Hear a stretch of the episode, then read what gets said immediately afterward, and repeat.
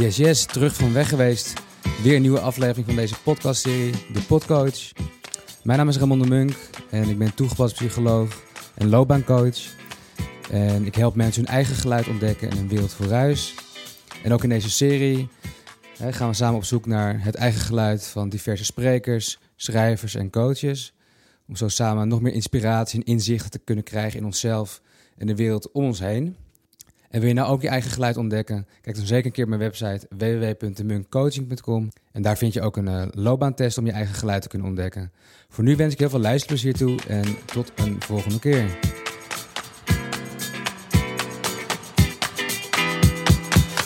Oké, top. Nou Anton, ik zit hier uh, vandaag tegenover Barefoot Dutchman. Fijn dat ik hier uh, mag zijn.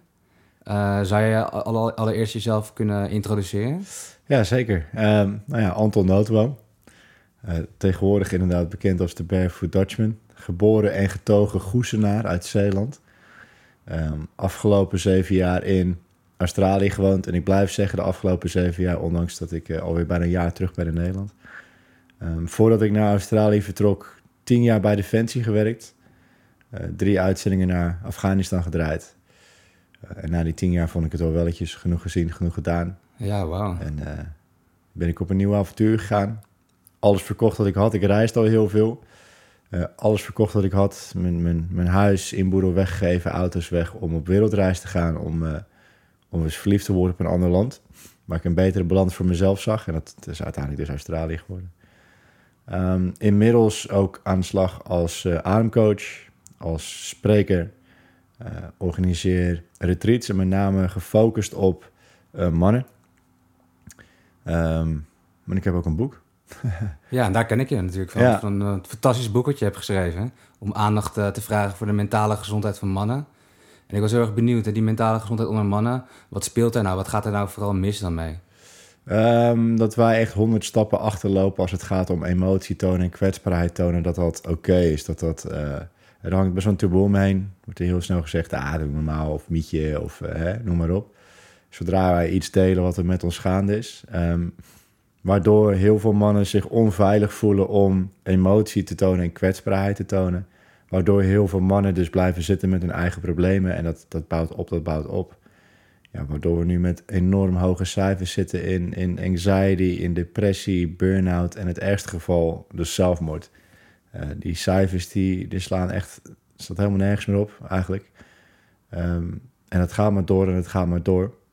En er is maar één manier om dat te doorbreken. En dat is aan elkaar laten zien dat het oké is om emotie te hebben en te tonen. We zijn allemaal mens. Het heeft niks te maken met vrouw of man zijn.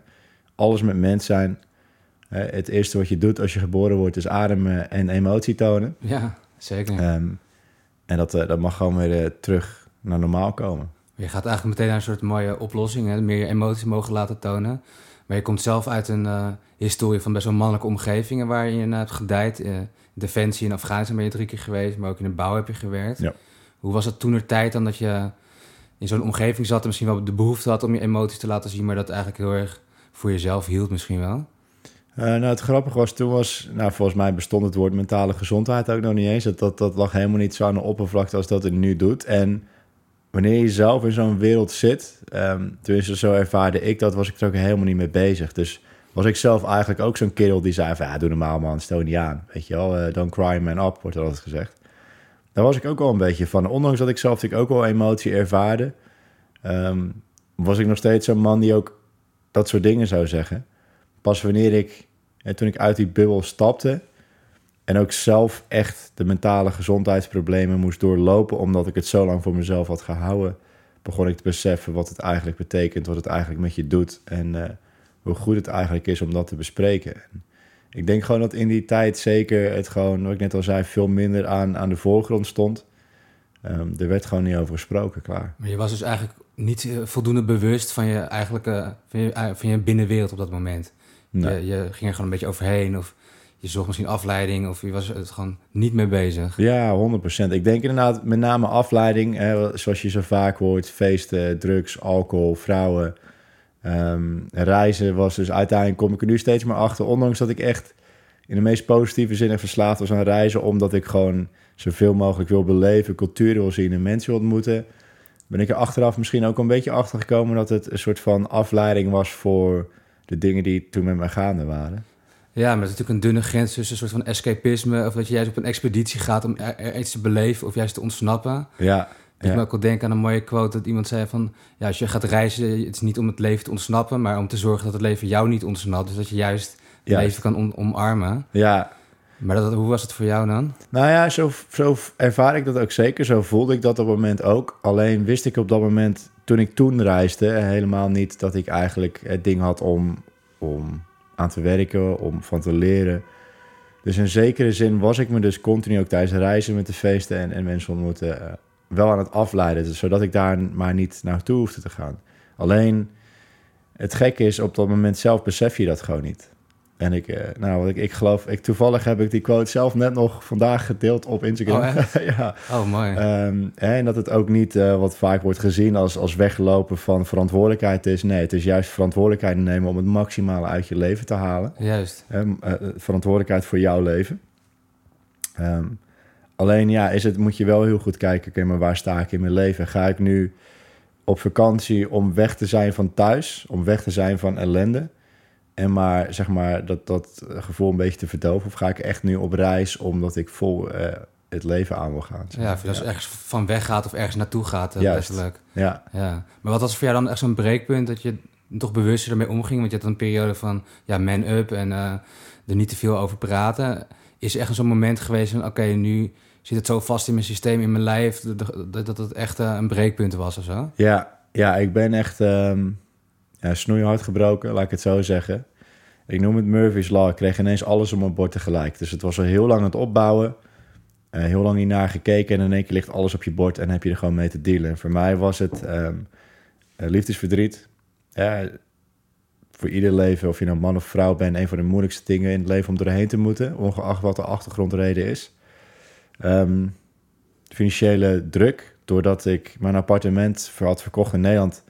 Ja, ik had een soort van vrijheid erdoor. Hè? Geen vaste lasten meer, maar zeker geen briljante tijd om überhaupt iets te verkopen. Dus ik bleef achter met een grote restschuld. Nou, dat, dat, dat geeft financiële druk, een gevoel wat velen van ons moeten ervaren. En die financiële druk zorgde ervoor eh, dat ik voelde van... oké, maar dan zit ik dus nu echt vast in dit leven. Want ik heb Ja. nu deze ja, verantwoordelijkheid om, om die, die schuld af te betalen. En ik had op dat moment dus een baan in de bouw in Australië. En daar was ik zomaar een beetje ingerold. Niet echt moeite voor gedaan om een echte baan te zoeken die bij me past. Is gewoon makkelijk en veel geld verdienen. Ja, nu voelde het dus van oké, nu zit ik dus vast in deze baan. En wederom ook een gevoel wat velen van ons ervaren. Oké, maar ik zit hierin vast. En die drie dingen zorgden ervoor dat ik dus zo in mijn hoofd ging zitten. Dat ik zo aan het malen was over wat voor loser ik eigenlijk was. Dat mijn lichaam begon te reageren. Dus hè, het lichaam weet niet het verschil tussen wat jij je lichaam vertelt en wat daadwerkelijk de situatie is. Dus je brengt je lichaam eigenlijk in een constante stress, constante fight or flight. En ik begon dus ook te hyperventileren. Eh, hyperventilaties werden dusdanig ernstig dat ik eh, paniekaanvallen kreeg. En die paniekaanvallen werden dusdanig ernstig dat het voelde alsof ik een hartaanval kreeg. Ehm zorgde ervoor dat ik niet kon werken. Niet werken in een van de duurste steden ter wereld, Sydney, waar ik toen woonde, zorgde ervoor dat ik geen leven meer kon veroorloven.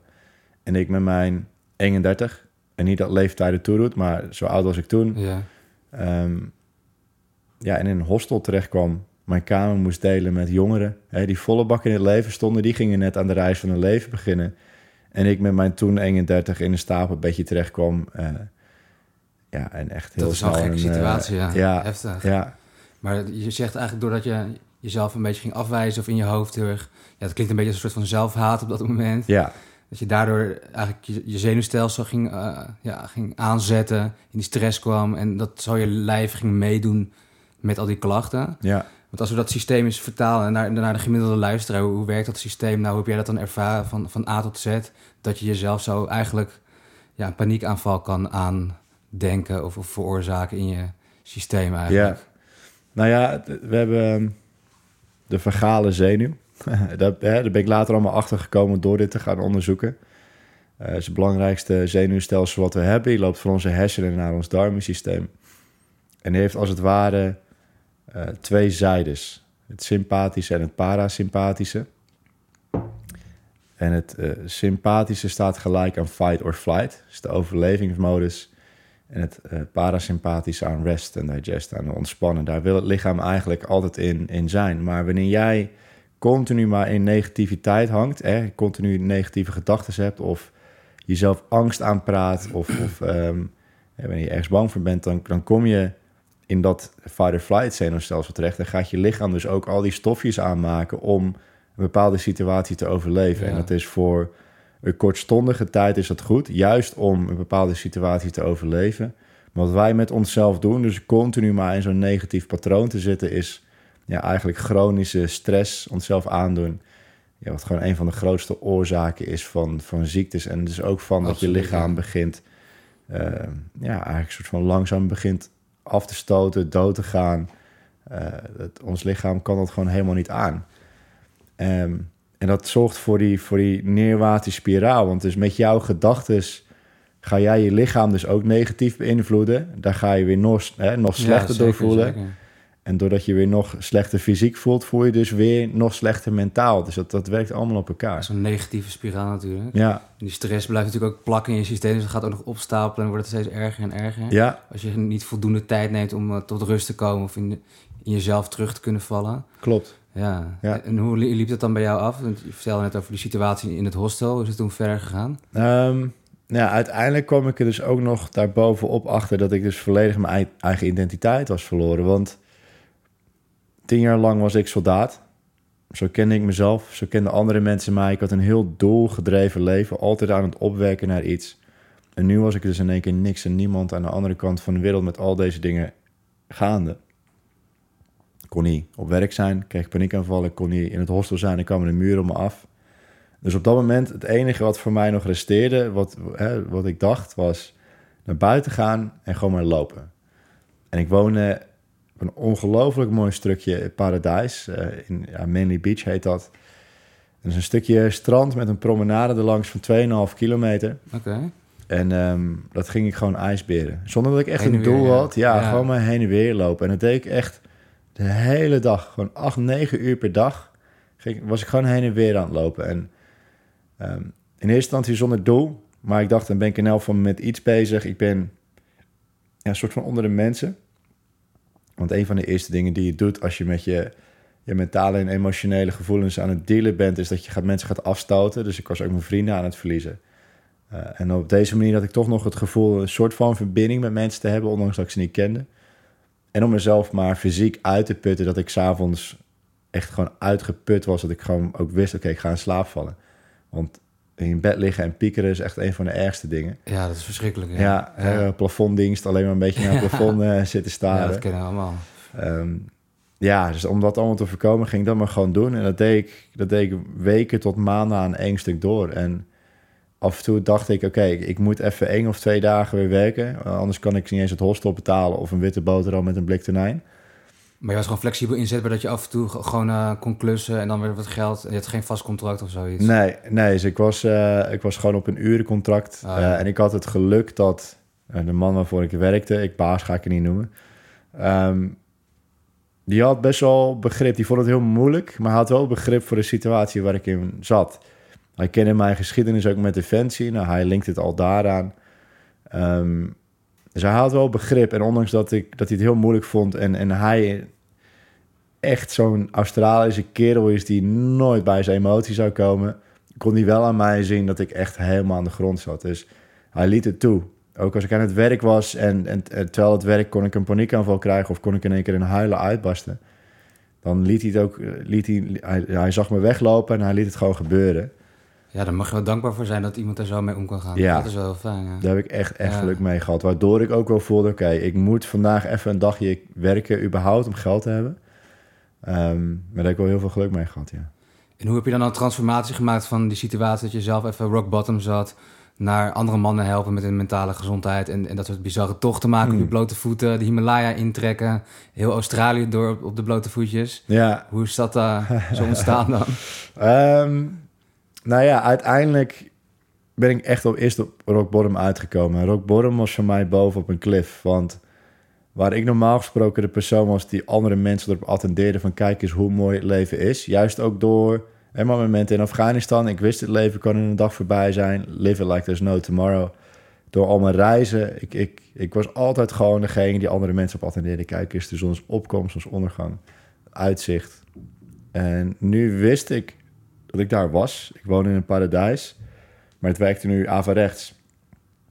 Ik wist dat ik iets moest voelen, maar ik voelde het niet. En daardoor raakte ik heel erg gefrustreerd. Ik was echt gewoon een leeg omhulsel en ik raakte heel erg gefrustreerd met het feit dat ik niet kon genieten van waar ik was. Dus ik heb besloten op een van die dagen uh, naar een van de vele mooie uitzichtpunten te lopen. Hebt heel veel van die mooie kliffen rondom, uh, nou ja, heel Australië, maar zeker Sydney. Uh, Northhead heette deze. En daar ging ik juist naartoe om te genieten van het uitzicht, te genieten van de zonsondergang. En ik klom een hekje over en ik ging op dat randje staan om te voelen. En wederom voelde ik gewoon helemaal niks. Wat voor, wat voor een gevoel zocht je dan naar op dat moment? Iets. Iets. Maar je staat op zo'n rand en van, je wil voelen dat, dat je bang bent... of dat je een soort van levensinstinct nog hebt... of wat, wat wil je dan voelen? Nee, nee. Ik ging, echt, ik ging niet zozeer naar het randje om, om zoiets extreems te voelen. Ik, ging, ik, ik liep gewoon, zeg maar, na... Want over het hekje heen klimmen was gewoon vrij normaal. Ja, om ja. echt van het uitzicht te genieten. En ik, ik ging echt om daar te zitten en te ervaren dat ik weer kan genieten van een zonsondergang of van een uitzicht. En dat, dat gebeurde gewoon niet. Um, en in plaats daarvan keek ik inderdaad naar beneden. En toen kwam er eigenlijk ineens die gedachten omhoog van dat ik in één keer eigenlijk kon begrijpen waarom sommige mensen die allerlaatste stap zetten. Want die pijn en uitzichtloosheid die sommige mensen kunnen voelen, en ik ook in dat moment, die kunnen dus gewoon met één stap gewoon voorbij zijn, klaar. Ja, ja, ja. Um, maar gelukkig ja, schrok ik nog wel heel erg van mijn eigen gedachten op dat moment. Uh, ben ik teruggekrabbeld, klom ik terug het hekje over. En ik weet niet hoe ik dit in eerste instantie gemist heb. Het is een heel lang hek. Hingen heel veel bordjes. Echt onder zoveel meter. En op dat bordje stond... Um, If you are in mental distress, call Lifeline. We're here 24-7. Uh, ook omdat het gewoon vaak gebeurt daar... dat mensen dus naar beneden ja, springen. Ja. ja. Um, maar zelfs in dat moment... wist ik nog tegen mezelf te zeggen... maar ik heb geen probleem. Zelfs toen kon je nog wegkijken. Ja. ja. En ook nog bij mezelf denken, oh, heb ik een probleem? Dan los ik dat zelf op. Ik ben een vent, ik ben een kerel, ik ben ex-militair. Nou, dat duurde nog ongeveer een week. Toen liep ik weer langs het strand, gewoon heen en weer. En op een gegeven moment stopte ik en keek ik uit over de oceaan en besefte ik eigenlijk, ik, ik, ik sta hier op een tweesplitsing. Ik kan zo door blijven gaan. Het gaat niks veranderen aan mijn situatie. Sterker nog, ga ik deep down in een rabbit hole. Daar kom ik niet meer uit. Als ik me anders wil gaan voelen, als ik een andere uitkomst wil, dan zal ik andere keuzes moeten gaan maken. En er is maar één persoon die dat kan, dat ben ik zelf. En ik zag op dat moment nog een hele goede vriendin die ik toevallig dus kende uit mijn, mijn jeugd, uit Goes. Ja. Die woonde nu bij mij onder hoek in Sydney. En die zag al langere tijd een mental health en spiritueel coach. Maar als je tot kort voor die tijd nog naar mij toe was gekomen met ook maar iets mental health of spiritueel, dan had ik je naar de dichtstbijzijnde boom verwezen om die te gaan knuffelen. ja, ja, ja. geitenwolle sokken. Juist, zo. ja. Dat uh, idee. Ver uit mijn comfortzone. Dat was ja. echt niet mijn, uh, mijn pakje aan. Maar goed. Maar je bent natuurlijk heel gewend heel anders met problemen om te gaan. Je hebt natuurlijk uh, ja, in Afghanistan geweest, ben je misschien veel pragmatischer of praktischer. En ja.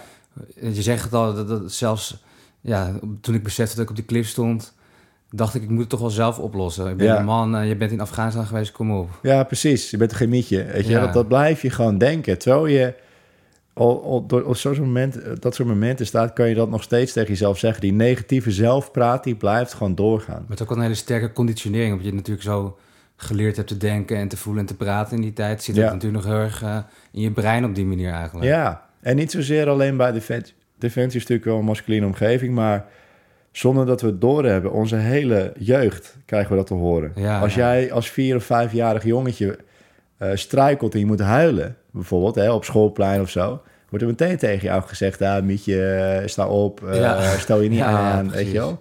Hè, dat, dat don't cry man up, dat wordt al vanaf jongs af aan wordt het eigenlijk ingeprent dat als man... Mannen huilen niet. Ja. Nee, precies. Ja. Dus dat, ja, dat, dat bouwt zich op, dat bouwt zich op. Dus je, je ja, creëert gewoon een soort van mechanisme van... oké, maar dat, dat hoort dus gewoon niet, dus dan doe ik dat ook niet. Dan blijf ik gewoon bij mezelf en ik los het op. Ik toon geen emotie. Ehm, nou ja, zij bood aan, ga anders gewoon eens een keer mee. Dat was eigenlijk de enige persoon waar ik op dat moment nog mee kon praten, in zekere zin. Ehm, en ik ging mee en ik zei tegen die coach, kom niet terug. Ik heb geen geld. Uh, dus een, de ene sessie hier, geef me iets om aan vast te houden. En dat deed ze, zonder dat ze het eigenlijk denk ik echt bewust door had. Maar ze gaf me twee dingen. Een boek, Mindfulness, Finding Peace in a Frantic World. En een app, Headspace. Een meditatie-app die uh, velen misschien wel zullen kennen. Ja, ja, ja. Nou, ik ken het zeker nog niet op dat moment. En ik, ik ging het maar gewoon doen. En dat waren die eerste twee lichtpuntjes aan het einde van mijn lange donkere tunnel. Want ik ging het gewoon uitvoeren. In het begin nog super veel weerstand. Hey, dan zit je vijf minuten naar zijn stem te luisteren. Ogen dicht, hier aan denken. Wolkje komt voorbij. Het is niet je gedachte. Je jezus, het is het Dus allemaal. je, werd, je werd ook een beetje jeukerig van. of. Ja, echt ja. En dan moet je op een rozijntje gaan kauwen door al die, die ervaringen Ja, heen gaan. ja. Ik zei, waar ben ik mee bezig? Maar ik deed het wel. Vanuit wat zo'n soort kracht of overtuiging deed het dan? Was het echt van de wanhoop van... dit moet gewoon werken, want ik moet even iets doen? Of- Ja, puur wanhoop. Ja. En ik had niks anders te doen, uiteraard. Anders ging ik maar gewoon weer heen en weer lopen. En het was echt puur wanhoop dat ik dacht, oké, dit wordt mij aangereikt. Ik heb niks te verliezen. Lager dan dit kan ik niet. Ehm, ga het gewoon doen. En nou ja, gaandeweg kwam ik erachter wel van... hé, maar volgens mij heb ik net een paar minuten niet aan mijn eigen problemen gedacht. En dat, dat gaf een extra zetje motivatie. Die paar minuten wordt een halve dag. De halve dag wordt een hele dag. En soms was het één stap voorwaarts en twee stappen achterwaarts. Maar in elk geval had je dus die twee handvaten om jezelf er aan, aan vast te houden, naar voren te trekken en er weer uit te komen. En toen dacht ik, oké, ik heb dus geen geld om op dit moment coaching aan te gaan. Nee. Maar als deze twee dingen mij beter doen voelen, wat is er dan nog meer? Dus ik ben meer boeken gaan lezen, ik ben meer apps gaan downloaden, daar hebben we er gelukkig genoeg van. YouTube-filmpjes gaan kijken, podcasts gaan luisteren. Ehm, maar als allerbelangrijkste, ik ben gaan praten. Want ik kwam continu dezelfde mensen tegen. Je loopt iedere dag heen en weer. Iedere dag kom je dezelfde mensen. zeg maar. Juist. Ja, ja. En dan lekker op zijn Australisch, iedere dag, hey, how's it going, mate? Yeah, not too bad. Weet je wel? Ja, standaard antwoord hier in Nederland, ja, goed. ja, alles goed. Ja, lekker Ja. met jou. Ja. Ja, En door. ja, precies. En weer doorlopen. En Ja. toen dacht ik op een duur bij mezelf... maar ja, waarom, waarom lig je continu tegen deze mensen? Zij vragen oprecht, hoe gaat het met jou? En jij houdt gewoon de schijn voor. Vertel gewoon hoe het met je gaat. En iedere keer wanneer ik vertelde hoe het eigenlijk met me ging... kwam ik erachter, wow, ik ben helemaal niet alleen hierin. Ja. Iedereen waarmee ik praat, heeft een achtergrondverhaal. En iedereen heeft gewoon zijn of haar eigen tools om daarmee te dealen. En ik voelde ook meteen, oké, maar als zij dat dus kunnen, dan, dan kan ik dat ook. Ehm, nou ja, dat, dat- nou, ja, ook wel belangrijk is wat daarbij komt, is die, die bubbel die je creëert om jezelf heen van negatieve zelfpraat. Hè. We zijn ten alle tijden, of, of nou iets goed gaat of niet, we zijn onze ergste criticus. Ja, enorm, ja. Ja. Enorm. Al gaat iets goed, dan weet je nog altijd iets te vinden van, nou, dat kan beter de volgende keer, weet je wel. We hebben echt geleerd om op de foutjes te letten en Ja. dingen, verbeterpuntjes en zo, zeker, ja. Altijd. Ja. Dus zeker wanneer jij in, in zo'n negatieve spiraal zit, wordt het alleen maar erger. Dus je praat alleen nog tegen jezelf. Jouw problemen worden groter en groter en jouw oplossingen worden kleiner en kleiner. Maar wanneer jij dus jouw verhaal deelt, is er iemand die buiten jouw bubbel staat en jouw probleem van een heel ander perspectief zit. En dus jou ook veel beter kan begeleiden naar eventuele andere oplossingen of een andere weg om te volgen. Waardoor ik dus ook andere dingen ben gaan proberen. Nou, dat, dat duurde echt nog twee jaar van iedere dag snel uit werken. Maar hoe cliché het ook klinkt, na die twee jaar voelde ik me beter dan ooit tevoren. Maar eigenlijk omdat je toen geen geld had voor die coach, ben je eigenlijk gaan spreken en werd eigenlijk iedereen een soort van coach. Ja. Die, die zegt weer dat en die inspireert je op die manier. En door je uit te spreken ontdek je misschien ook weer beter wat je nou eigenlijk echt voelt, kan ik me voorstellen. Ja, En in die interactie zit natuurlijk ook heel veel waarde, kan ik me voorstellen. ja 100%. En nou, wat je net ook zegt, je komt bij een, een gevoel uit. Waar je normaal gesproken voor jezelf houdt, blijf je bij zeg maar, één bepaald gevoel. en Dat is negativiteit. Maar wanneer je zeg maar, dat soort andere impulsen krijgt, kan je in één keer zeg maar, ook door vraagstelling van andere mensen bij ander gevoel uitkomen. Van, hé, maar ja. dit zit er dus ook nog. En dat geeft allemaal moed, dat geeft allemaal hoop. En hoop is echt hetgene wat het, ons het meeste drijft. Ehm, ja, en dat, dat zorgde ervoor dat ik dus na twee jaar eigenlijk voelde van... hé, hey, maar volgens mij voel ik me nu gewoon beter dan ooit tevoren. Want één, ik heb nu al die tools hè, om, om mezelf te ontdekken. om hier uit te komen. En ik had in die twee jaar meer geleerd dan alle jaren over mezelf dan alle jaren daarvoor. Mooi. Ja. Ehm, maar ja, wat ik ook heb geleerd in die twee jaar is hoe groot het probleem is rondom onze mentale, fysieke en emotionele gezondheid voor de mens in het algemeen. Het is zo bizar slecht. We zijn onszelf zo ver voorbij gelopen. We weten niet meer wat het betekent om mensen te zijn. We zijn gewoon machines. We gaan iedere dag maar gewoon van A naar B. We doen ons werk, komen thuis, eten, slapen en de volgende dag weer opnieuw. Echt de meest basis dingen wat ons in alle tijden goed heeft gedaan als mens... is nu een soort van een gek iets. Dat is een, dat is een, een cursus die je moet volgen of zo. Weet je? Gezond Ja, eten, ja, ja. beweging, eh, connectie, natuur, ademhaling. Echt van die meest basis dingen wat, wij, wat ons altijd goed heeft gedaan. Dat is nu ineens een, iets wat je moet volgen. Nee, dat, dat is hetgene wat je moet moet je doen. herontdekken en leren. Je Juist. brengt natuurlijk wel je auto naar de APK, maar voor jezelf in je mind iets doen, dat is dan vaak weer zweverig. Of hebben mensen moeilijk geld voor over of zo. Ja, Toch wel heel anders, ja. is toch bizar? Ja, Terwijl het echt, eh, het is eigenlijk zo simpel. En het is nu ook allemaal wetenschappelijk onderbouwd. Hè? Net als, nou, ik raak nu met mijn vingers een blaadje aan die hier hangt. Maar het is nu al wetenschappelijk bewezen dat wanneer wij maar een blaadje aanraken, ons lichaam al meteen een soort van herkenning voelt. Andere stofjes gaat aanmaken van, hé, hey, maar hier voel ik me goed bij. Dus aanwezigheid in de natuur, waar we altijd in zijn geweest, behalve nu. Nu zitten we continu in doosjes. Is goed voor ons. Eh, echt eten, heb ik het al gezegd. We hebben die vergale zenuw, die loopt van onze hersenen naar ons darmensysteem.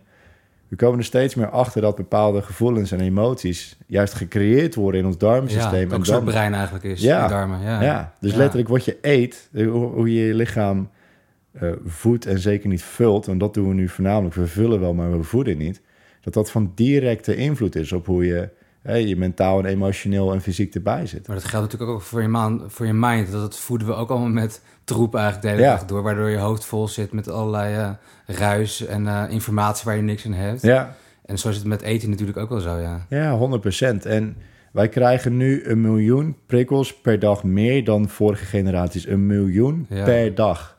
Dat is enorm. Ja. Dat is echt extreem, is dat. Ja, ik zeg bijvoorbeeld, ik heb geschreven in een boek, vind ik altijd een leuk voorbeeldje om te geven. Maar als wij naar de supermarkt gaan om even spaghetti te halen, liggen daar 36 verschillende spaghetti's. Ook dat is gewoon weer een prikkel. Je wil gewoon spaghetti, maar nu moet je Al keer kiezen. keuzestress, ja, de hele dag door moet je honderden keuzes en beslissingen nemen. Ja, Ja. klopt. En dat is allemaal van directe, ja, directe invloed op eigenlijk al die drie aspecten. Ja. Ehm, Maar je had het over dat, dat blad aanraken, dat contact met de natuur. Is het ook zo dat, eh, dat door het op blote voeten te lopen...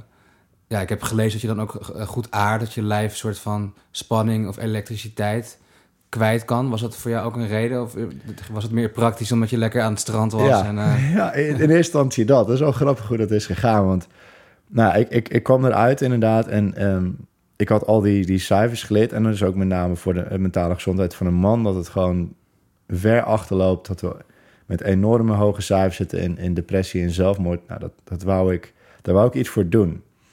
Als er iets is wat ik geleerd heb bij Defensie... is goed voorbeeld doet goed volgen. Ja, als jij wil dat jouw mannen jou volgen... eerst zelf het goede voorbeeld neerzetten. En nu had ik al die tools geleerd... Ik had mijn eigen verhaal, hè, mijn eigen mentale hoofdstuk. Dus ik wil eigenlijk een platform creëren waarop ik mijn eigen verhaal kon delen. Dus emotie en kwetsbaarheid kon tonen om te laten zien. Het is helemaal oké.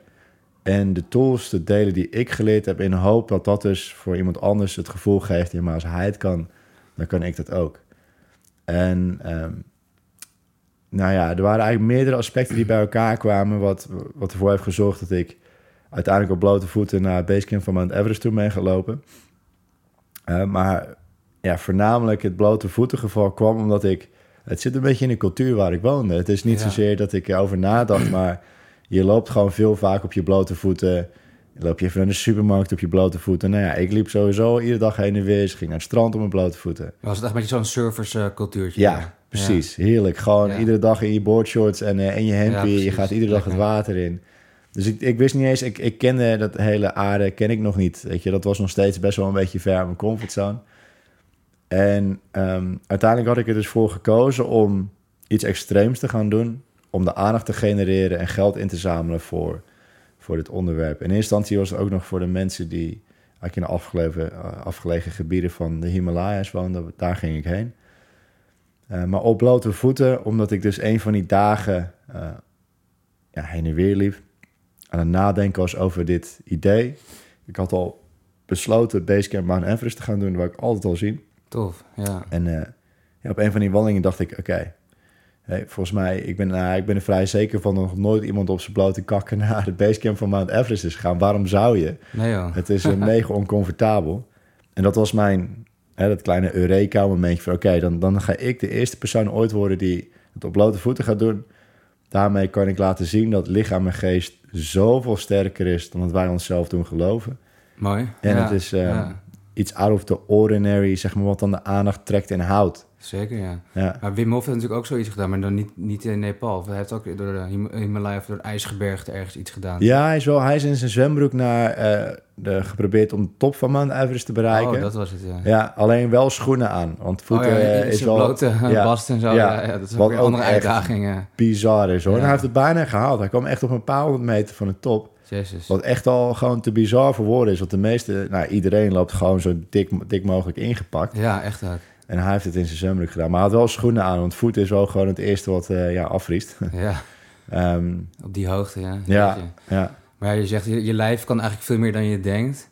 Dus het zit ook mentaal, die blokkade, dat je denkt, van, nou, dit ga ik niet redden, dat het dan ook niet lukt. Of hoe werkt dat eh, voor jou dan? Ja, nou ja, het is, we hebben allemaal de monkey mind. Dat is het stemmetje wat dan opkomt wanneer iets oncomfortabel is, wanneer iets spannend is, eng, iets wat we niet kennen. En dat stemmetje komt dan op om ons te, met de allerbeste intenties om jou veilig te houden. Dat is de hele bedoeling. Eh, die hoort een beetje bij die, bij die fight flight, maar die wil in alle tijd dat jij gewoon veilig bent. Dus inderdaad, hè, wanneer een van die dingen voorbij komt, dan gaat hij tegen je praten van, nou, weet je wel, tot hier en niet verder. Dit is wat je kan. Ehm, maar dat stemmetje komt al op wanneer we op nog maar 10 of 20 procent zitten van wat we daadwerkelijk aankunnen. Hè, we blijven in die comfortzone hangen, waardoor we zoveel potentie missen. Want veel te vaak, wanneer dat stemmetje omhoog komt, gaan wij als het ware gewoon in die co-pilootstoel zitten en zeggen wij, is goed, vlieg jij maar. Jij bent de Ja, baas. Ja, ja.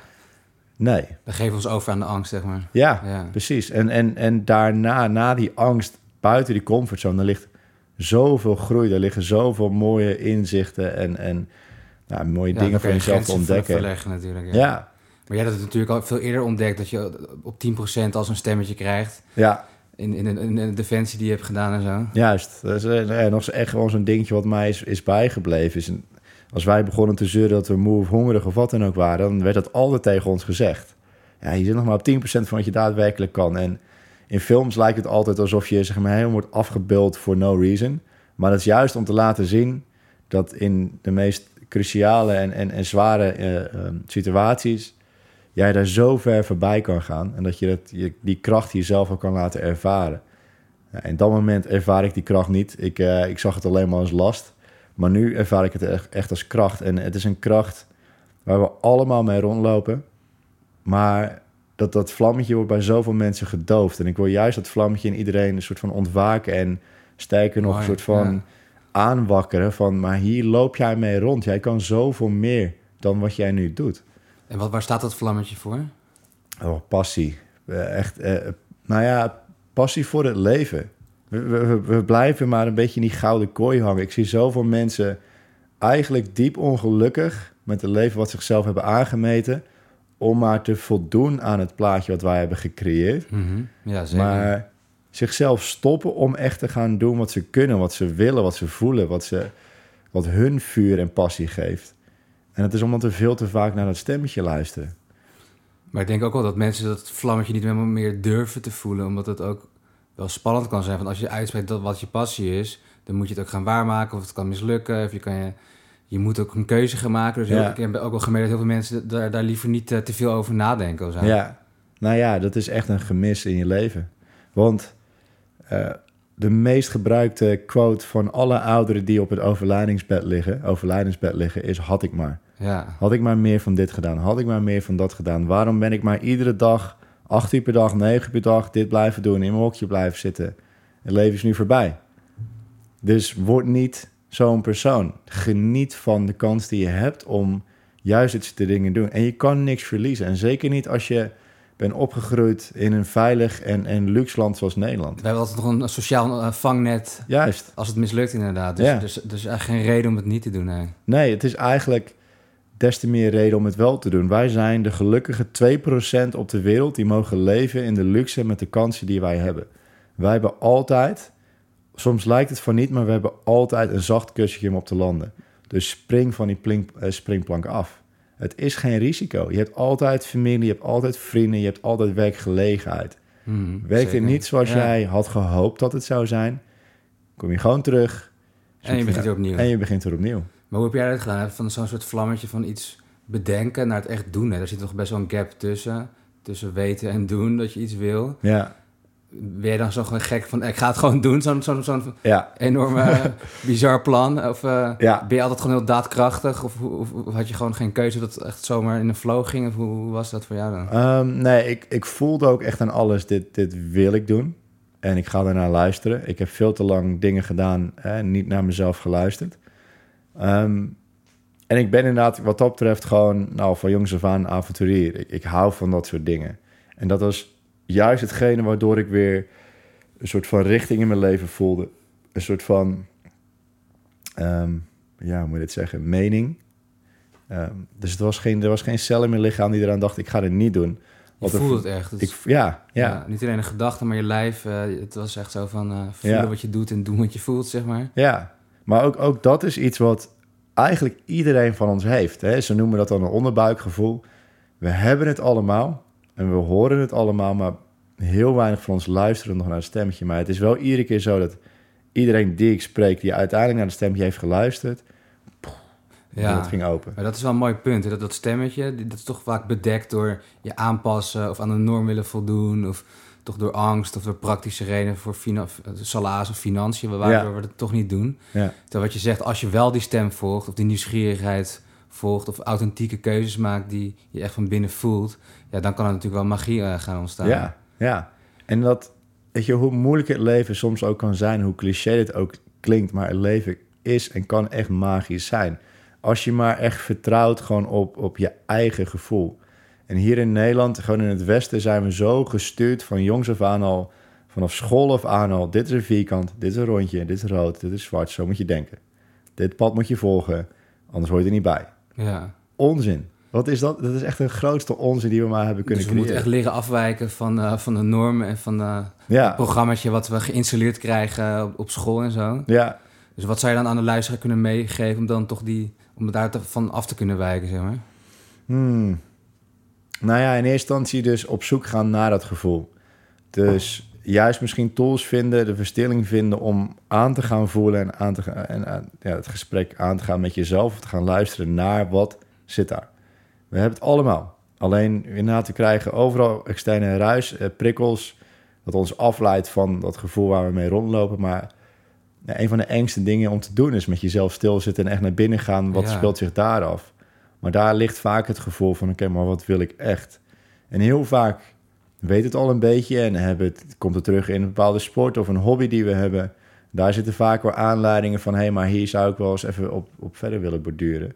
Maar ga juist die tools aan die, die jou soort als het ware verzacht naar binnen laat gaan en daar, eh nou niet zozeer antwoorden gaat vinden, maar wel inzichten. Antwoorden die moet je altijd zelf gaan, eh, gaan opzoeken, maar wel bepaalde eh, inzichten. En nou ja, luister naar en ga jezelf omringen met mensen die hiermee bezig zijn. Eh, ga naar bepaalde workshops of, of retraites waar mensen aanwezig zijn die, die datzelfde vraagteken hebben. Of misschien hetzelfde kleine, Ja. die paar cellen hebben die aan beweging zijn van... oké, maar hier moet ik iets mee om dat samen te gaan ontdekken. Je hoeft het zeker niet alleen te doen. We Maar voelen ja. altijd maar dat we alles alleen moeten, on- moeten ontdekken of aangaan. En in zekere zin, ja, jij bent zelf verantwoordelijk voor, voor jouw stappen en jouw geluk. Maar je mag het samen gaan ontdekken. En het serieus nemen ook, dat je dat verlangen misschien hebt. En het eh, in Ja. stilte gaan, eh, ja, daar echt naar luisteren. Want dat stemmetje fluistert vaak heel erg eh, tussen alle andere gedachten die je de hele dag door hebt. En dan moet je inderdaad echt even in de stilte komen Ja, om erbij te kunnen komen überhaupt. ja, En het dan misschien wel gaan voeden en uit gaan spreken en delen met mensen. ja. Ja, Ja, en hoe meer je het deelt, je zal altijd weerstand krijgen. Er zullen altijd mensen zijn die het niet begrijpen. Die gaan tegen je schenen aantrappen. Ja, doe maar normaal, doe je wel gek genoeg. Ja. Dat is lekker Ja. Nederlands. Het is, het is zo'n Nederlands dingetje om maar gewoon in je bubbeltje te blijven. Maar ehm, hoe meer je het deelt, hoe meer mensen op jouw pad gaan komen... of die het horen, die daar wel iets hè, op, op aangaan... waarmee je het, hè, meer enthousiasme gaat krijgen. Eh, wees gewoon niet bang om te delen. En Ja, weet, gewoon, weet gewoon, er gaat weerstand komen, 100%. Dat is helemaal oké. Niet iedereen hoeft aangesloten te zijn op jouw gevoel en jouw idee. En dat uh, schijnt meteen, misschien meteen even het kaf van het koren. Misschien is dat niet de persoon waar jij op dit moment uh, je tijd mee moet spenderen. Zijn er andere mensen die jou veel beter kunnen uh, aansporen, zeg maar. Ja, waardoor helemaal jezelf zijn, dan stoot je misschien de juiste mensen af en trekken de juiste mensen ook weer aan. Juist. En door je uit te spreken kunnen ook weer dingen op je pad komen. Dat iemand zegt, ook weet nog wel een reisorganisatie of ik weet nog wel uh, iemand die uh, in een leuk mediaplatform heeft. Dus zo komen allemaal weer dingen Ja. op je pad als je maar zichtbaar bent in wat je wil en wat je kan en zo. Ja, Dat is ook wel heel belangrijk. Maar dan terug naar de Himalaya. Je was daar uh, ja, begonnen. Hoe ging het toen verder? ja, ja het, was, um, het was mega mooi. Het heeft me uiteindelijk negen dagen gekost om, om naar Basecamp te lopen op blote voeten. En in eerste instantie was het nog, het was nog best oké. Ik kwam wel aan, je komt aan op Lukla. Dat is uh, ze het gevaarlijkste vliegveld ter wereld. Het is een hele korte uh, runway die de heuvel... In eerste dat je opgaat en als je opstijgt gaat hij de heuvel af. Ik heb het even op YouTube opgezocht. Dat stond natuurlijk in je boek. En ik dacht, dat wil ik even zien hoe Ja. het eruit ziet. Ik heb er een paar filmpjes van gezien. Dat is bizar, best hè? wel tricky. Ja. Ja, ja, ja, er gebeurde best wel wat ongeluk. Ook omdat eh, alles moet op zicht. Dus als er maar een wolkje is, dan, dan kan je al niet meer vliegen. Nou, dat vond ik al, dat was voor mij al de start van het avontuur. Weet je? We moesten ook, we gingen vanaf uh, Kathmandu de lucht in met zo'n klein vliegtuigje. Ja, je kent meteen iedereen die in het vliegtuig zit. Maar tijdens het vliegen landen we ineens en dachten we van, ja, dit is geen Lukla. Ik heb geen idee waar we zijn. We waren Oh, ja. ergens in de middle of nowhere geland.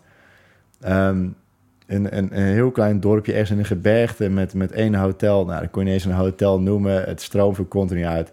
Geweldig. We zaten daar met kaarslicht 's avonds. Nou, we konden dus niet landen op Lukla omdat er weer wolken waren. En we moesten daar wachten tot de volgende ochtend. Nou, de volgende ochtend vlogen we naar Lukla, was nog 15 minuutjes of zo. En die, die deur ging open en toen kwam er een soort van die kou binnen die je heel hoog in de bergen hebt. Die ik heel lang niet had ervaren. Want ja, ik woon in Australië. Ik dacht Ja. van, holy, Ja, ja, wat is dit? Ik was even vergeten wat kou ook weer betekende. Jeetje. En ehm, nou ja, toen begon een wandeling. En ik had in eerste instantie, ik had, ehm, ik had geen gidsen. Ik had geen Sherpa's. Ik droeg mijn eigen spullen. Ik wou het zelf gaan uitvogelen. Maar ja, wat heel snel gebeurt, zeker als je met zo'n klein groepje al zoiets hebt ervaren. Dus je blijft een beetje bij elkaar plakken. Dus we bleven ons eigen tempo aanhouden, maar we eindigden wel continu bij dezelfde ehm, ja, eh, Overnachtingen. overnachtingen. Ja. Ja. Ehm, waardoor je nog gewoon best wel het gevoel van een groepje ook had. Ja. Nou, dat, dat ging best wel makkelijk in eerste instantie. De paden in de lagere regionen waren nog redelijk goed begaanbaar. Het is natuurlijk best wel een toeristisch ding uiteindelijk.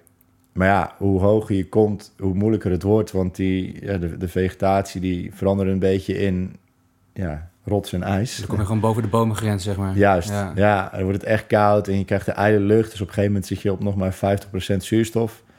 Eh, nou, dat ga je helemaal merken in je Maar lichaam. hoe hoog zit je dan? 4 4 kilometer? hè? Eh, vanaf, even kijken hoor, vanaf uh, Namche Bazaar, wat was ongeveer 3200, begint, ja, begint het al dat je echt rekening moet gaan houden met ja. Ja, een ijle lucht. En uiteindelijk is Basecamp op um, 5364 meter, als ik het even goed zeg.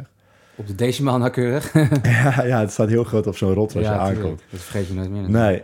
Ja. Um, dus ja, de laatste dagen, jij, in, in, als het ware is uh, in, met zo'n lucht, is je lichaam heel langzaam aan het afsterven. Het krijgt steeds minder zuurstof. Uh, dus je moet ook rekening houden met um, altitude sickness. Dat kan je daar krijgen, of je nou getraind bent of niet. Nee. nee. Wanneer je dat hebt, dan moet je zo snel mogelijk de berg af, anders ben je gewoon klaar. is dood. Um, nou, daar had ik gelukkig geen last van. Uh, maar ja, de laatste dagen was het... Ja, mijn, mijn voeten waren ondertussen... Je kent het gevoel als je op een Lego-steentje staat. Mm -hmm. Dat je heel je lichaam verkrampt, alles bij elkaar schreeuwt. Ja, dat had ik dus heel vaak op de duur. Ja, je hebt over die losse steentjes. En uitschreeuwt, ja. ja, er gingen regel, met de regelmaat gingen de, de Nederlandse vloekwoorden gingen door die ja, bergketen, door de Himalaya's heen. Ja. ja. um, maar dat was, dat was ook natuurlijk het onderdeel van de hele uitdaging. Juist de pijn, juist de, de, de vermoeidheid. Echt de weerstand opzoeken. Juist, ja. ja. En um, ja, uiteindelijk super mooi. De laatste dag, echt iedere stap die ik zette, vloekte ik hard op... omdat mijn voeten zo gevoelig waren. Tja. Het koud, ijs. Maar, nou ja, ik, ik kwam continu mensen tegen die erover hadden gehoord... of ik een stukje mee had gelopen... of die alweer op de terugweg waren... die ook echt aanmoedigingen, aanmoedigingen gaven. Op een gegeven moment was het laatste stukje... Um, was er nog één eh, stel uit Singapore die zei: oh, You're almost there, you're almost there, just down, down here and then you Ja, can ja. see it. En dan, en dan voel je al in één keer echt, het maakt niet uit hoe koud het is, je voelt die, die warmte door je lichaam van adrenaline van oké, ik ben er bijna. En toen kwam ik inderdaad, ik, ging, ik strompelde naar beneden en toen stonden daar de mensen waarmee ik in het vliegtuig zat, die stonden daar op mij te wachten. En dat vond ik zo mooi. Die waren zelf helemaal afgepeigerd ook om eh, überhaupt zelf daar te komen. Ja, snap ik. En die namen toch de moeite om daar op mij te wachten in een soort van erehaag. En Oh, wat vet. ja, echt, echt Iedereen wist natuurlijk van jouw missie waarvoor je dat deed. Ook. Ja, ja. ja. En ehm, nou ja, ik, ik strompelde naar, naar die steen toe. Er is een hele grote steen daar. Dat, dat geeft dan het eindpunt aan van deze wandeling. En ja, dat is Basecamp. En als een Hollywood-film raakte ik toen met mijn vingers die grote steen aan... en kwamen echt alle emoties tegelijk eruit. Lachen, huilen tegelijk, heel lelijk. Ja, ja, ik kan me dat helemaal voorstellen. Ja. Ehm, maar daar was, daar was dat mooie, en dat, dat bedoel ik ook met echt zo'n Hollywood momentje, daar was dat mooie besefmoment van, maar ik heb hier iets. Het is zo simpel als het gebruik van twee blote voeten en wilskracht tonen, ja. om een verschil te kunnen betekenen voor iemand anders. En daar ja, was eigenlijk de geboorte van de Barefoot Dat kwam alles even samen, een soort Eureka-moment. Ja, ja. Ja. En toen was het echt het idee van, oké, hier moet ik, ja, hier moet ik meer mee gaan doen. Ja. Maar dat is wel een duidelijk signaal. Als je zo'n gevoel hebt dat uh, als de bliksem in keer inslaat, zeg maar, Ja, dan weet je dat je goud te pakken hebt. Ja. Ja, echt. Dat, dat, zo voelde het echt. Het gaf mijn leven ook meteen zoveel meer mening. En vroeger op school kreeg je altijd de piramide van Maslow. ja. Hè, helemaal onderaan eh, je basisbehoeftes, eh, eh, inkomen, een dak boven je hoofd noemen, dat soort dingen. Helemaal boven in de piramide staat to be of service to others. Dat jij andere mensen helpt, dat is de hoogste staat van zijn, zeg maar, Ja, in die piramide. En op dat moment voelde ik mij gewoon niet alleen boven mijn berg, maar daadwerkelijk boven in die piramide. Ik mocht nu van... Echt een hoogtepunt. Ja, ja. Ik mocht nu van... dienstbaar van- zijn voor een hoger doel. Zo. Juist, ja. Ik mocht, ik mocht andere mensen helpen nu. En dat was echt geweldig. En dat doe je nu nog steeds natuurlijk. Ja, Vooral mannen helpen met hun mentale gezondheid. ja. Kan je daar misschien wat meer over vertellen? Hoe, hoe doe je dat? Je noemt al heel vaak het woord tools. Dus je bent veel bezig met tools ontwikkelen verzamelen. Hoe doe je dat dan precies? Ja, nou ja, nu voornamelijk mijn eigen verhaal ook delen in, in lezingen, in workshops. Juist om eh, eh, al die aspecten voorbij te laten komen. Om, om andere mensen te laten zien van het is, het is dus oké. Eh, daar ze mee kunnen resoneren met bepaalde punten. Misschien daar hoop uit kunnen putten. Ehm, ademcoaching. Dus ik ehm, geef ademworkshops en en één op één sessies voor mensen. Eh, ik geloof er heilig in. Het, het allereerste wat je doet, wat ik net al zei, als je geboren wordt, is ademhalen en emotie tonen. Ehm, en de ademhaling is wederom onderdeel van dat eh, zenuwstelsel en van directe invloed op je emotionele, mentale en fysieke gezondheid. Alleen is het op dit moment zo dat 80 tot 90 procent van de wereldbevolking verkeerd ademt. En door die ademhaling, door verkeerd ademen, zitten wij dus continu in die fight or flight. We zijn continu ons lichaam aan het vertellen: ik word achterna gereden door een leeuw. Dus dat je een beetje kort aandacht bent of hoog, dat je in je borst ademt. Ja. Dat soort dingen. Ja, kort en oppervlakkig in je, in je borst. En we ademen ook heel veel door onze mond, dat ook helemaal allemaal negatieve effecten heeft, waardoor we allemaal ontstekingen krijgen. Ehm, dus één kracht eigenlijk van die ademhaling is wanneer we die gaan aanpassen naar normale ademhaling. In door je neus en heel rustig helemaal tot in je buik. Dus ik zeg altijd vijf seconden in, vijf seconden uit. Dat is het enige wat je hoeft te onthouden. In door je neus, uit maakt niet uit. Maar ook vijf seconden vast om, Nee. in het midden. Nee, nee, want dat kan je niet. Gewoon echt het normale ademhalen wat we normaal gesproken gewoon gedurende de hele dag doen.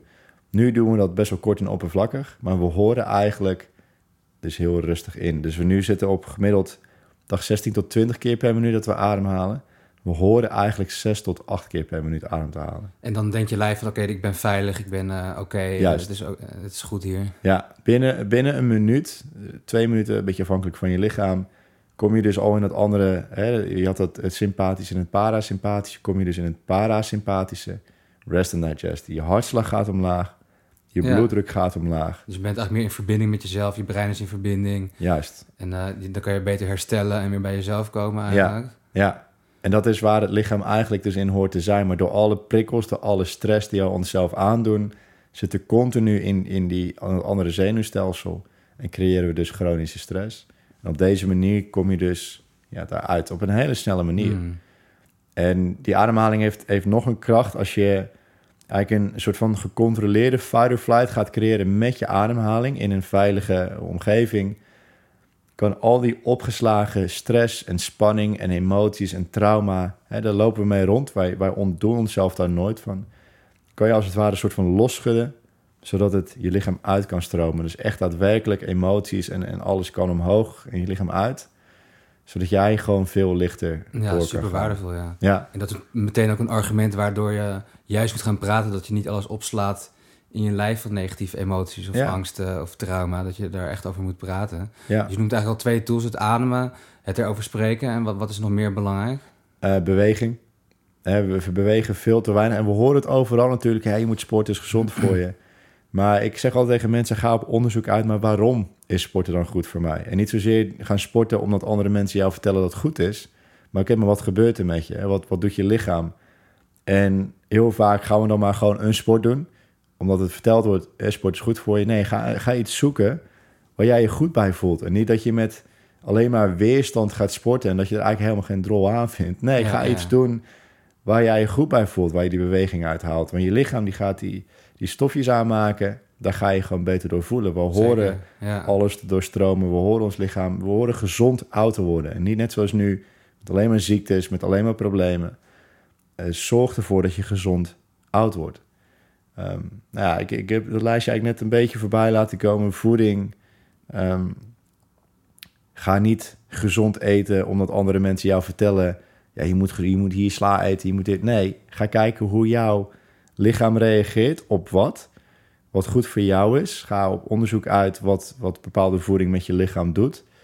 Ehm, en ga zelf aanvoelen wat het dan voor effect heeft op je lichaam. Dus niet alleen maar Nee. een, een, een makkelijke eh maaltijdsalade halen omdat jou vertelt, hey, dit is gezond. Nee, op onderzoek uitgaan. Maar dat vind ik wel een mooi punt. Hè? We zitten allemaal best wel op Instagram, tenminste veel mensen erop zitten. En dan lees je weer, ja, je, mag, je moet intermittent fasting doen, of je moet weer een ketose dieet doen, of je moet weer dit. Dus er is zoveel informatie dat mensen... Holy Grail is. Het is altijd een combinatie van meerdere dingen samen. Dus het, het mooie, ik zeg ook altijd, weet je, vroeger als kind, als je een speeldoos had die vol zat met speelgoed, het liefste gooide je in één keer helemaal leeg en, en ging je met alles tegelijk eh, bezig zijn. Dat mag. Gooi alles leeg, ga alles uitproberen en dan zal altijd iets zijn waar je iets meer op aangaat dan het ander. Focus je daarop en al het andere over je schouder geen tijd en aandacht aan besteden.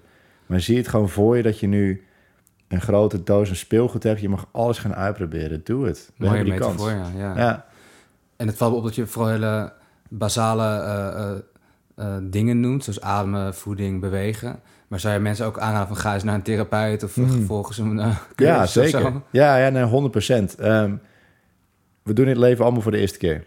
Dus we hoeven ook niet... We hebben gewoon niet overal het antwoord op. En er zijn mensen daar die jou daar wel in kunnen helpen. Die daar wel misschien een antwoord op hebben. Dus reik je hand uit. Dat is helemaal oké. Dus hulp zoeken voor wat voor dan ook. Coaching, therapeuten, psychologen. Ga het aan. Het is, als jij je, je teen stoot tegen de, de hoek van de tafel en je breekt hem, dan ga je naar de dokter. Dat is heel Ja. normaal. Ja. Maar als jij een, een, een kneuzing oploopt in je hersenkwap, omdat je gewoon mentale of emotionele problemen hebt, dan is het ook net zo normaal om daarvoor naar een soort van dokter te gaan. En wat voor dokter dat dan ook is. Er zijn superveel mooie eh retraites, workshops die je kan gaan volgen. Wederom is nog zo'n eigenlijk zo'n speelterrein wat je gaan gaat uitproberen, maar ga het aan. Er zijn zoveel mooie tools en wat we vaak doen is wachten tot het te laat is. Wanneer we pas eh rock bottom zitten, ja.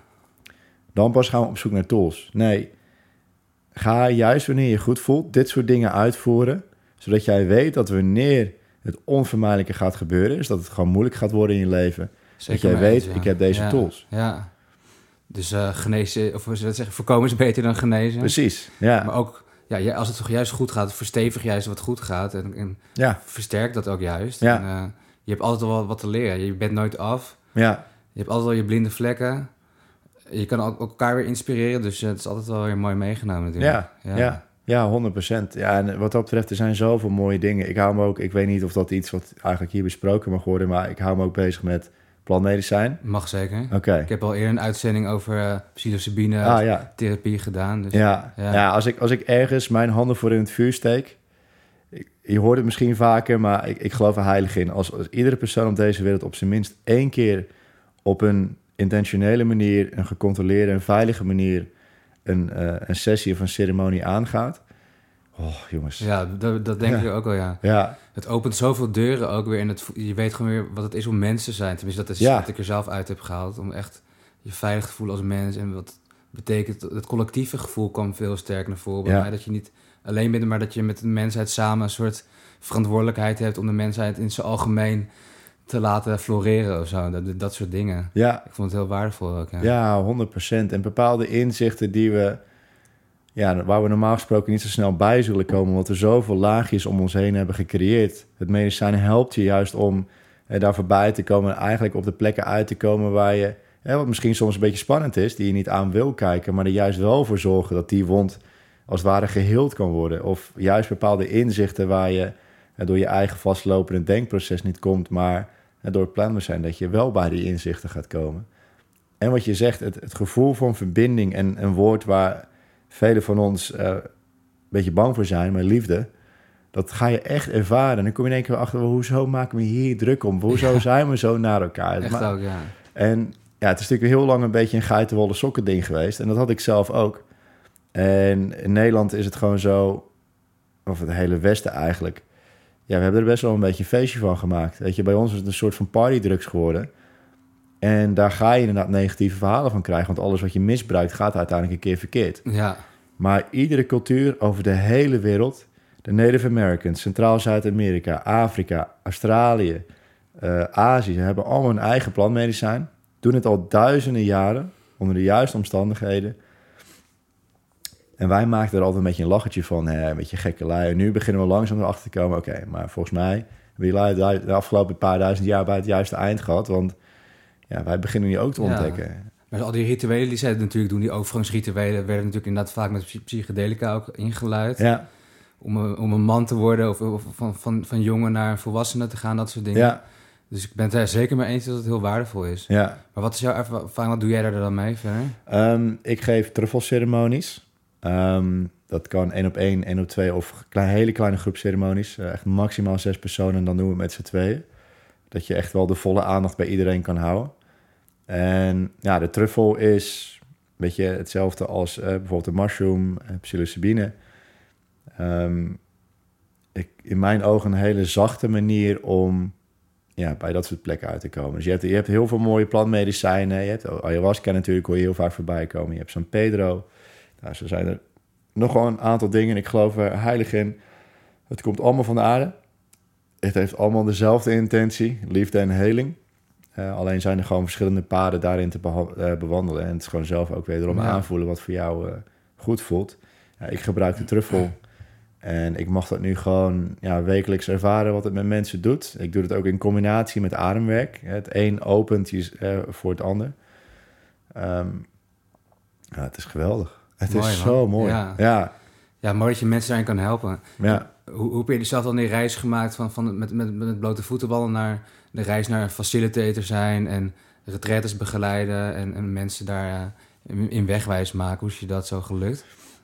Eh, ja het, gra- het grappige is, ik, ehm, uiteindelijk heb ik dus die 3000 kilometer door Australië ook op blote voeten gelopen, 3019. Ehm, Meteen ook een eh, Guinness Book of Records natuurlijk. Ja, Ja. ja. En dat heeft ervoor gezorgd dat er ineens zoveel deuren voor mij open gingen. Ik werd ineens voor van alles uitgenodigd.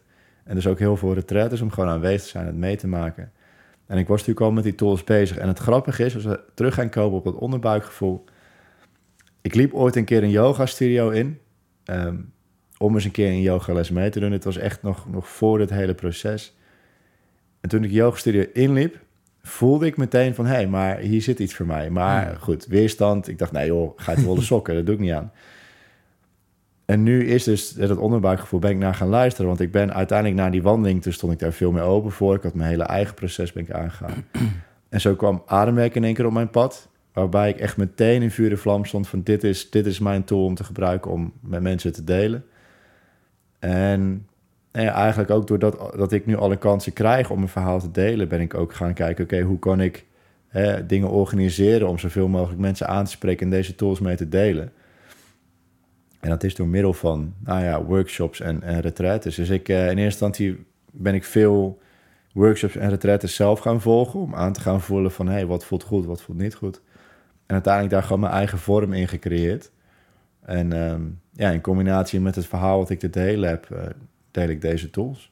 Werk je dan ook samen met andere mensen om dat Zeker. te organiseren? Hè? Ja, ik geloof heilig in dat, eh, dat de kracht juist ligt in samenwerking. Dat je meerdere minds bij elkaar gaat brengen, meerdere vuurtjes bij elkaar gaat brengen. Ehm tuurlijk, je kan het ook alleen doen. Ik doe ook gewoon workshops alleen. Ehm, ook prima.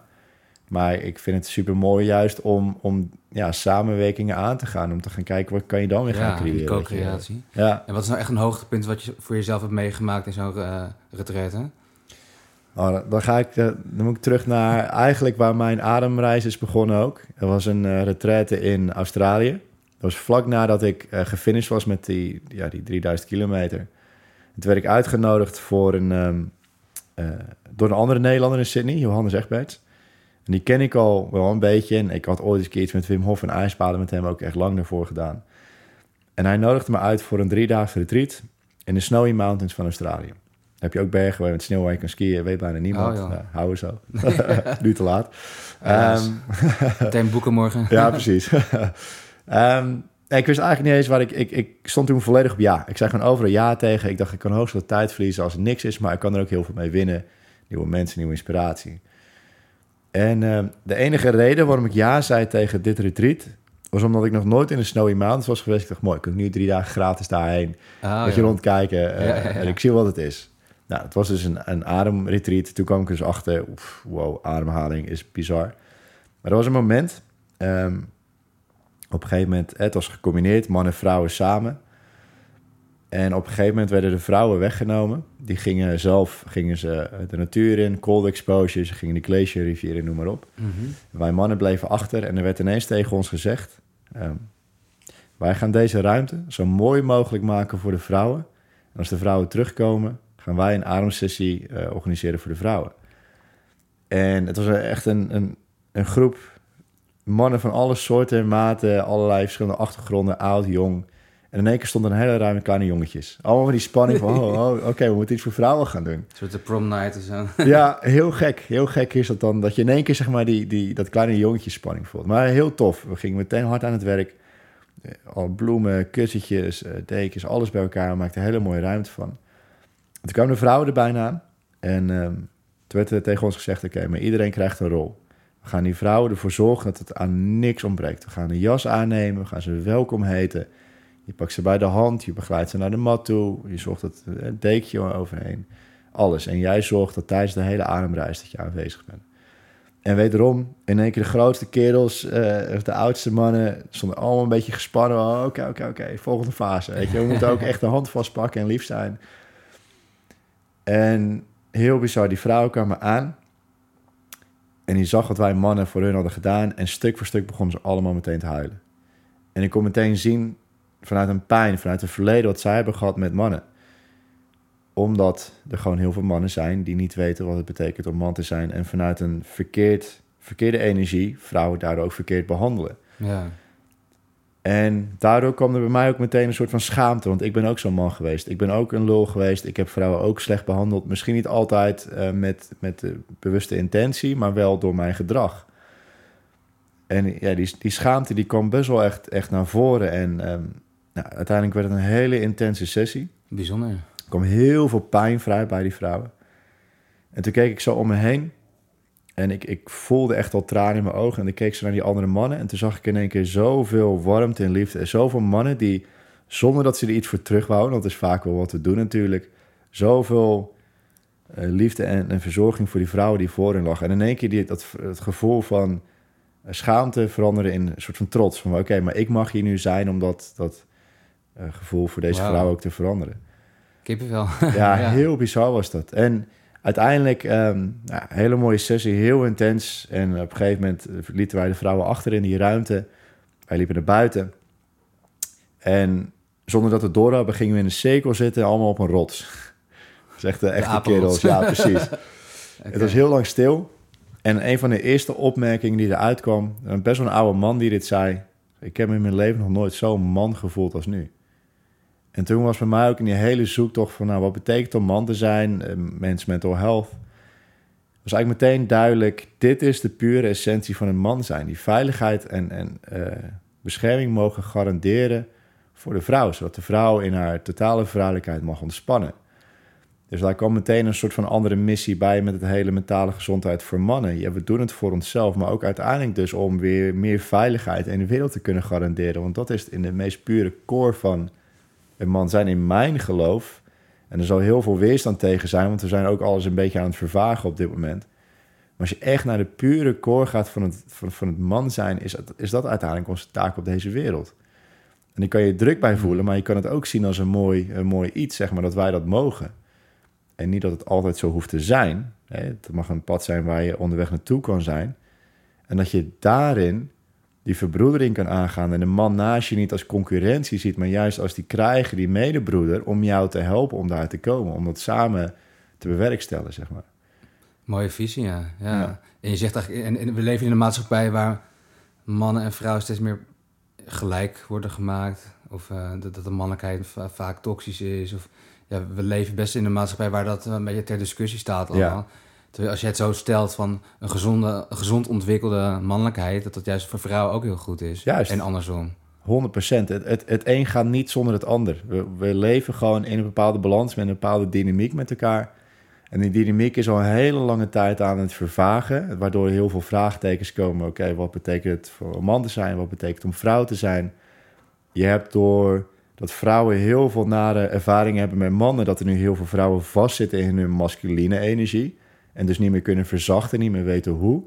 Dat wel willen, maar niet meer weten dat hoe. wordt zeg maar de harde, onafhankelijke vrouw die geen man nodig heeft. Juist, precies. Maar uiteindelijk stiekem nog steeds wel genegenheid voelt... en eigenlijk het liefst thuis wil komen om zich te kunnen ontspannen bij een man... en gewoon zacht kan zijn. Juist. Ehm, maar dat soort dingen is nu in één keer best wel een beetje een gevoelig onderwerp. Want nee, nee, nee, ik ben die onafhankelijke uh, vrouw. Heel goed. En, en, en in andere aspecten in het leven uh, geloof ik daar heilig in. Want het is ook echt niet zo dat alleen maar mannen kunnen leiden... en dat vrouwen alleen maar uh, op een werkvloer een andere rol moeten aannemen. Absoluut niet. Ik denk dat er heel veel vrouwen zijn die nog veel beter kunnen leiden dan, dan sommige mannen. Hè? Dus het is een beetje in, in, in wat voor omgeving. Maar uiteindelijk zoals ik nu, en ik ben echt, echt heel veel gesprekken hierover aangegaan met heel veel verschillende mannen en vrouwen, komt het er uiteindelijk gewoon wel op neer van ja, oké, vanuit een bepaald verleden ben ik me zo gaan gedragen, maar eigenlijk het allerliefste zou ik dit willen zijn. Dus dat komt weer vanuit een soort van pijn vandaan, van vervelende ervaringen, dat ze een soort van schild uh, zijn gaan creëren, ja. een soort beschermmechanisme. Ja. Ja. Ja, maar doe je dat ook veel in die retreats, dat je die vrouwelijke en mannelijke energie juist heel erg um, aan het licht brengt of gaat verstevigen. Of dat je daar iets mee doet met dat thema. Zeker, zeker. En juist ook om uh, bij mannen aan te tonen dat het heel oké is om daarover te praten. Want wij mannen hebben daar ook echt wel problemen mee. Van ja, maar hoe moet ik me dan gedragen? Aan de ene kant wordt er van mij verwacht dat ik die, hè, dat ik die sterke rots ben. Maar aan de andere kant moet ik ook emotie tonen. Waar ligt dat dan? Nou ja, hoe, hoe vind je daar een balans in? Uh, en ook aan de andere zijde aan, aan de vrouw, om de vrouw weer te laten zien... maar oké, wij mannen kunnen ook gewoon veiligheid garanderen. Wij zijn niet alleen maar een bedreiging. En dat je uit die energie mag stappen. Maar ja, dat is een, dat is een proces. Maar ja, dat laten we zeker terugkomen. Ja, mooi. Ja. Dus je, je, je doet verschillende dingen als facilitator. En wat vind je dan het leukste om te doen eigenlijk? Ja. Kan je dat niet echt zeggen? Nee, dat is een lastige. Ik vind... Ik, um, het mooie aan, aan mijn leven nu is, en ik weet niet hoe lang dat gaat duren, het leven verandert continu, maar voor mijn gevoel heb ik al heel lang niet gewerkt. Ik, ik vind alles wat ik doe, vind ik echt zo geweldig mooi, dat geen enkel moment ik het gevoel heb, ik moet nu iets doen. Nee, ik, ik, ik vind het echt leuk om te doen. Fijn, ja. En dat is de, de één op één ademsessies waarbij mensen echt in één keer nou, datzelfde gevoel dat ik had, oh, wat is dit? Dus de truffelceremonies, dat zijn dit soort retreats. Ik vind lezingen geven ook echt heel tof, omdat je in één keer een hele grote groep aan mag spreken. Of het nou een bedrijf is, of een school, of uh, bij Defensie, noem maar op. En daarmee dus heel veel vuurtjes mag aansteken en, en zaadjes mag planten bij, bij jongeren. Mm -hmm. um, Mooi. Ja, heel tof. Maar als ik jou, jouw boek zo heb gelezen, voor mij is het echt een kracht van jou om een combinatie te hebben van echt een tof verhaal, weet je, wat je hebt meegemaakt. En dan tussendoor ook wel echt tools of wat meer ja, dingen die mensen concreet verder kunnen helpen. En dan heel veel voorbeelden die je erbij hebt. Volgens mij is het een hele goede cocktail om uh, je boodschap mee over te kunnen brengen. Ja, ik voel, zo voelt het nu wel. En ik geloof heilig in dat, dat persoonlijke verhalen juist de meeste kracht houden voor mensen om te voelen: oké, maar daar zit ook iets voor mij in. Weet je, het is niet dat uh, we dragen elkaar. We, we, we, stoppen heel veel mensen ook echt op een soort van pedestal of op een hogere iets dan, dan wij zijn. Nee, we zijn allemaal mens. We gaan allemaal door bepaalde ervaringen heen. En juist in die verhalen delen kunnen we van elkaar voelen... oké, maar hij, hij of zij is er zo doorheen gekomen... En zo Ja. kan ik dat ook. En dat, dat is echt puur alleen met, met persoonlijke verhalen... en niet met een of andere. Niet om voor een soort guru uit te hangen, op een voetstok te, te worden geplaatst, Nee. dat soort dingen. Nee, Dus eigenlijk zeggen van, eh, ondanks dat je de hele wereld blote, op je blote voeten bent doorgelopen, ben je niet naast je schoenen gaan lopen, zeg nee, maar. nee, nee niet. absoluut niet. Nee. Ik, eh, ik raad iedereen aan juist om wel naast de schoenen te lopen. Dat is heel goed voor je. Eh, maar niet in een zekere zin dat jij je beter acht dan niemand anders. Daar gaat het helemaal mis. En dat is natuurlijk een van de grootste problemen in de wereld nu. Dat heel veel mensen denken dat ze beter zijn dan de ander. Dus ik moet jou zo behandelen. Nee, het staat helemaal nergens op. Nee, precies. Nee. Hey, en heb je nog toekomstige projecten of dingen waar je mee eh, Ja. aan de slag gaat? Ja, ja ik, eh, ik kan nu ook wel echt vol enthousiasme vertellen dat ik eh, begin volgend jaar. ehm, of het een nieuw wereldrecord gaat worden, ben ik nu nog in afwachting van Guinness. Maar ehm, in elk geval, zover bekend, als eerste persoon ooit 1500 kilometer op blote voeten door de Sahara gaan lopen. Ehm. Ja, dat, wordt wel heel niks. tof. Daar heb ik heel Ja. veel zin in. Eh, het wordt echt afzien, 100%. Maar ook weer een heel nieuw avontuur. Dit keer wel met een, een team van nomaden en kamelen. Zo. Omdat zonder ga Hele ik niet tribe ga je overleven. verzamelen. Ja, ja, ja. Nou ja, je hebt gewoon echt lokale kennis nodig om überhaupt bij waterputten uit te komen. Anders eh, Ja, is het ja. snel heel, het verhaal heel snel afgelopen. Dan eindig je in een Fata Morgana ergens. ja, precies. ja, ja. Nou, wordt een eh, kort boek. Ehm, nou ja, dat is Ga je ook een boek over schrijven? Ja, dat wil ik wel, Ja. eh, dat wil ik wel weer delen. Ik, ik heb nu... Het, het grappige is, vroeger op eh, de middelbare school... had ik een één voor boekverslagen schrijven. Oh ja. Ik had er echt een hekel aan. Ik vond boeken lezen niks. Ik vond over schrijven al helemaal niks. Dus dan haalde ik het van eh, eh, gewoon online van internet. Nu heb je zo'n zo AI ervoor. Nou, Ja, vroeger ja. had je gewoon van die websites eh, ervoor. Ja, ik had er één. Ik, het boeide me niet. En nu heb ik een boek. En het proces van een boek schrijven, wederom in mijn hoofd had ik een heel idee. Toen me werd gevraagd om een boek te schrijven. Oh, ik weet het niet, want dan moet ik dus maanden achter een laptop gaan zitten. Moet ik verhalen gaan pushen. Ik weet niet of ik er zin in heb of kan. Nou, uiteindelijk een proces aangaan en het hele verhaal dat ik zelf had gecreëerd was niks van waar.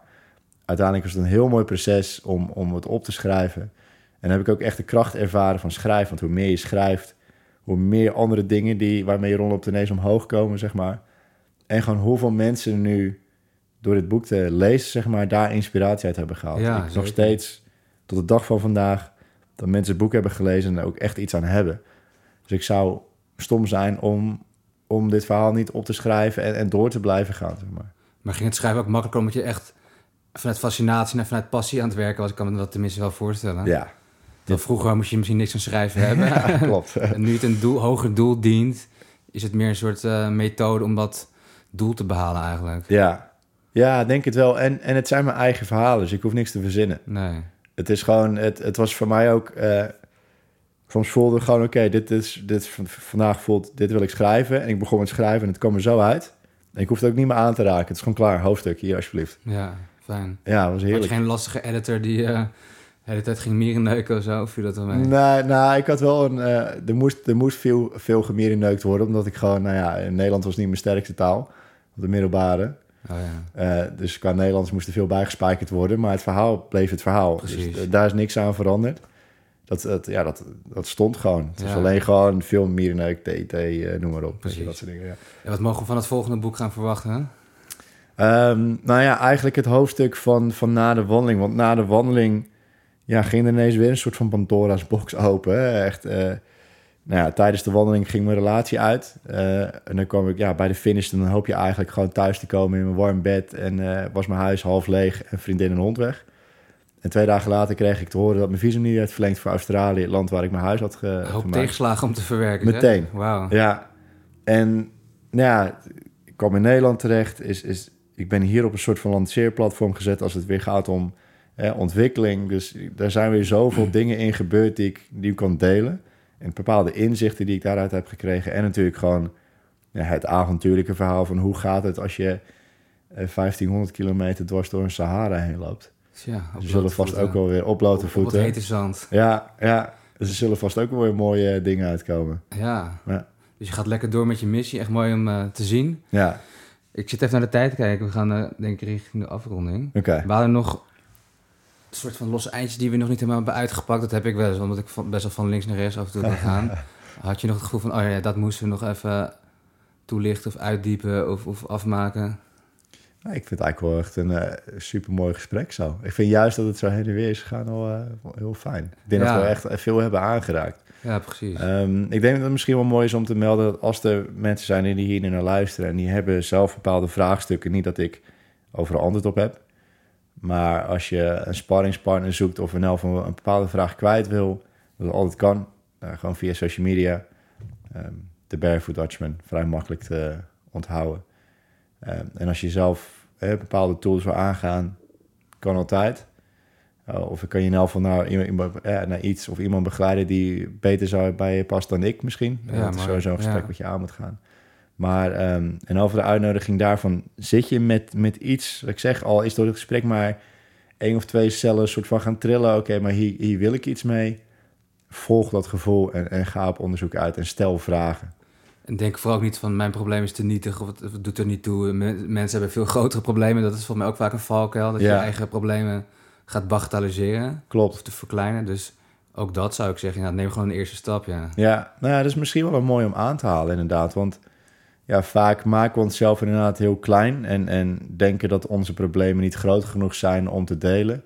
Een probleem is een probleem, pijn is pijn. Ja, Ehm, en vaak ook aan de andere zijde. Hè, ehm, soms zien we dat een vriend, vriendin, familielid of een collega aan het struggelen is. Maar voelen we dat wij niet de persoon zijn om, om de vraag te stellen. Omdat wij zelf niet door iets zijn gegaan. Of dat we denken dat we niet de perfecte antwoorden hebben. Onzin. Je hoeft geen mental coach te zijn. Je hoeft geen psycholoog te zijn. Je Geen hoeft niet expert, zelf Nee. eh, door een, een wereld van ellende heen geweest zijn. Nee, je mag ten alle tijden gewoon een vraag stellen. En soms is alleen de vraag stellen alleen al genoeg voor die persoon om, te voelen: ik word gezien, ik word gehoord. En dat is alleen een luisterend oor, dat je niet eens iets hoeft te zeggen, maar dat die andere persoon gewoon even zijn of haar ei kwijt kan.